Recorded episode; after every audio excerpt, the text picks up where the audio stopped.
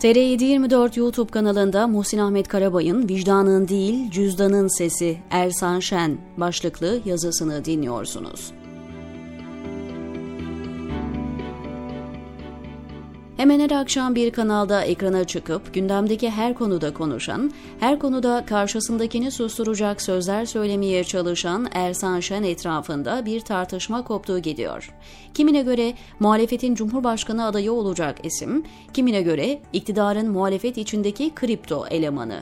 Ben size Ersan Hoca'nın bunlar dışında bir şey olduğunu anlatmaya çalışacağım.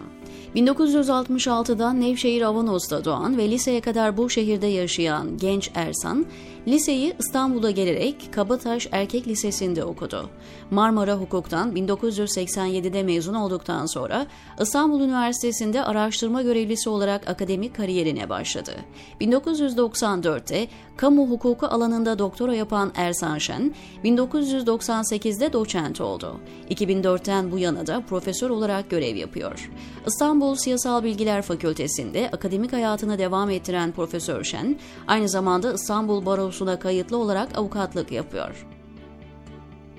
Türkiye'nin vergi rekortmenleri listesinde olan avukatlar var. Gönenç Gürkaynak, Serdar Paksoy, İsmail Esin, Ahmet Pekin, Salih Tunç Lokman Ekim, Hakan Yazıcı, Atilla Kaan Duraklıoğlu, Bora Terzioğlu, Yılmaz Aslan, Bahadır Kalaycı, Mustafa Cerrahoğlu ön sıralarda yer alıyor. Bu listeye giren bir de Ersan Şen var. Eğer yargı camiasını takip etmiyorsanız öteki isimleri tanımıyor olabilirsiniz. Ancak Ersan Şen'i bu ülkede bilmeyen yok nasıl tanınmayacak?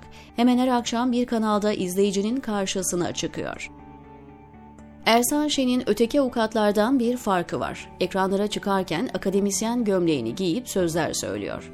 Akademik sıfatıyla yaptığı bir şey daha var. Savunacağı kişilerden dosyaları alırken de profesör unvanını kullanıyor. Duruşmalarda akademik kimliğiyle konuşuyor. Profesör Şen mahkumiyet kararı sonrasında İstanbul Büyükşehir Belediye Başkanı Ekrem İmamoğlu hakkında söylediği, yaptığı ucuz kahramanlık ifadeleri yüzünden muhalefetin bir kesimi tarafından eleştirilerin odağı yapıldı. Yargı süreci bitmeden ortalığı ayağa kaldırmakla itham edilen Profesör Şen, Başkan İmamoğlu'nun işini yapmak yerine Cumhurbaşkanlığı yarışında öne geçme peşinde koştuğunu öne sürdü. Bu yazıyı yazmamda Profesör Şen'in İmamoğlu'nu eleştirmesinin payı olmadığını söylemek isterim. Bugünkü yazıyı 17 Aralık'ın yıl dönümü için çok önceden planlamıştım. Okuyanlar hatırlar. Paylaşacaklarımın kısa bir özetine bir vesileyle 13 Ocak 2022'de bu köşede değinmiştim. Avukat Ersan Şen'in adını geniş kitlelere duyurduğu dosya Kanal 7 yöneticilerinin yargılandığı Deniz Feneri davası oldu. 2009 yılında Almanya polisinin Deniz Feneri EV'nin ülkede topladığı 41 milyon euro paranın önemli bir kısmının amaç dışı kullanıldığını belirlemesi üzerine Deniz Feneri EV'nin de bulunduğu Frankfurt'taki Kanal 7 binasına baskın yaptı. Almanya Kanal 7'nin başında bulunan Mehmet Gürhan aynı zamanda 1999'da bu ülkede kurulan Deniz Feneri EV'nin de yöneticisiydi.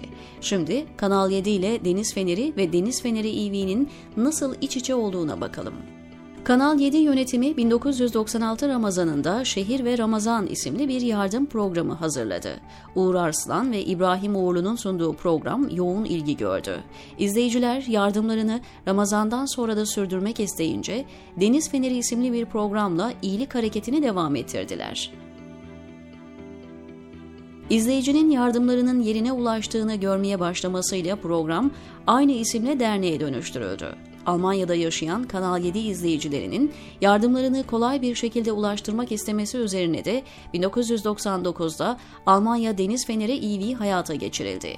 Kısa zamanda Almanya'dan gelen yardımlar, bağışlar açısından lokomotif görevi üstlendi. Uğur Arslan ve İbrahim Uğurlu'nun birlikte hazırlayıp sunduğu program hem Türkiye'ye yayın yapan Kanal 7'de hem de yurt dışına yayın yapan Kanal 7 İnt'te aynı anda yayınlandı. Türkiye'deki izleyiciye yerli Deniz Feneri'nin banka hesapları gösterildi. Almanya'daki izleyiciye de orada faaliyet gösteren Deniz Feneri EV'nin hesapları verildi. Alman hükümeti 3 yıl boyunca Deniz Feneri EV'nin faaliyetlerini takip etti. Hesaplarda biriken paraların farklı amaçlarla kullanıldığı, Kanal 7 yöneticilerinin Türkiye ile İtalya arasında gurbetçi taşımak amacıyla satın aldıkları Baltic Christina feribotunun bu parayla finanse edildiği anlaşılınca düğmeye basıldı. Alman polisi hazırlıklarını yaptıktan sonra Frankfurt Kanal 7 Int binasına Nisan 2007'de geniş çaplı bir operasyon yaptı. Polis toplanan paralardan 8 milyon euroluk kısmının özel işlerde kullanıldığını açıkladı. Bu operasyonun hemen ardından Almanya sorumlusu Mehmet Gürhan, Kanal 7 yönetiminden uzaklaştırıldı. Türkiye'de Kanal 7'nin sahibi olan Beyaz AŞ'nin Almanca aynı anlamda karşılığı olan Weiss GmbH'nın yöneticileri olan Mehmet Taşkan ve Firdevsi Ermiş yaptıklarını itiraf edip ceza indirimi aldı. Almanya'da yaşanan bu suistimalin Türkiye'ye yansıması hayli gecikmeli oldu. Alman polisinin yaptığı bu hamle üzerine Kanal 7 yönetimi bir dizi önlem aldı. İki deniz fenerinin yasal düzenlemelerinin ayrı olduğunu ortaya koymak için önce Deniz Feneri yönetiminden Kanal 7 ile irtibatı olan isimler istifa ettirilip yerlerine başka isimler atandı. Kanal 7'nin şirket yapısı değiştirildi. Buna rağmen kamuoyunun baskısıyla Almanya'daki yargının attığı adımlar üzerine belgeleri Türkiye'ye gönderdiler. Yönetim Kurulu Başkanı Zekeriya Karaman ve öteki ortaklar Mustafa Çelik, Zahit Akman ve İsmail Kahraman yargı karşısına çıktı. Söylendiğine göre Ankara'dan gelen telefon üzerine Ersan Şen bu dosyada Zekeriya Kahraman'ın savunmasını üstlendi. Mahkemede aynı kanalda üstelik her hafta canlı olarak yayınlanan Deniz Feneri programının Almanya ve Türkiye'deki yapılanmasının ayrı olduğunu Türk yargısına kabul ettirdi.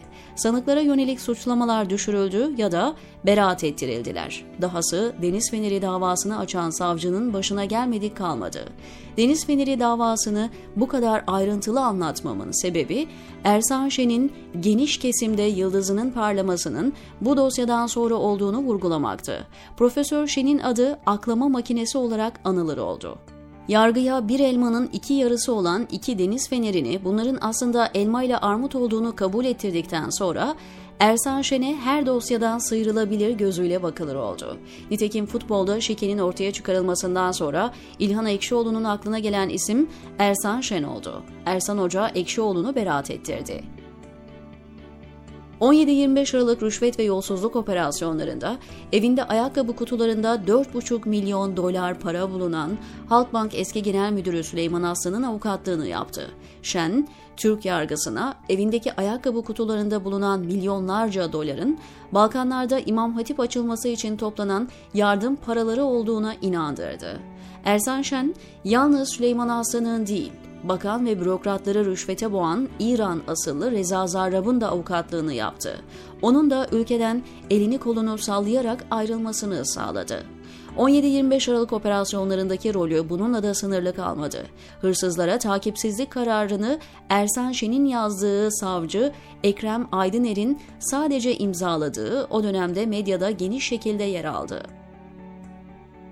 Aynı sıralarda cinayetle suçlanan Metro Holding Yönetim Kurulu Başkanı Galip Öztürk'ü müebbet hapis cezası almasına rağmen tutuklatmamanın yolunu buldu. Şen, milletvekili Galip Öztürk'e verilen cezanın kesinleşmediği gerekçesiyle aleyhinde haber yapan yayın kuruluşlarına tazminat davaları açtı. Ersan Şen'in son büyük görevi ise 15 Temmuz darbesi sonrasında oldu. Cumhurbaşkanı Tayyip Erdoğan'ın yaptığı hukuksuzlukların kılıfını Profesör unvanlı Ersan Hoca hazırladı. Şimdilerde muhalefetin sesi konumundaki Ersan Şen bir Truva atı görevi üstlenmiş durumda. Zamanı geldiğinde Profesör Feyzoğlu gibi ortaya çıkıp iktidardan yana tavrını koyacak ve Erdoğan'ın seçime girmesinde anayasal hiçbir beis yok diyecek. En muhalif kanallarda bile kimlerin ekrana çıkabileceğini belirleyen Erdoğan, Ersan Şen'in her akşam bir yandaş ekrana çıkmasına sessiz kalıyorsa altında Çapanoğlu olmadığını düşünmek fazla iyimserlik olur, diyor Muhsin Ahmet Karabay TR724'teki köşesinde.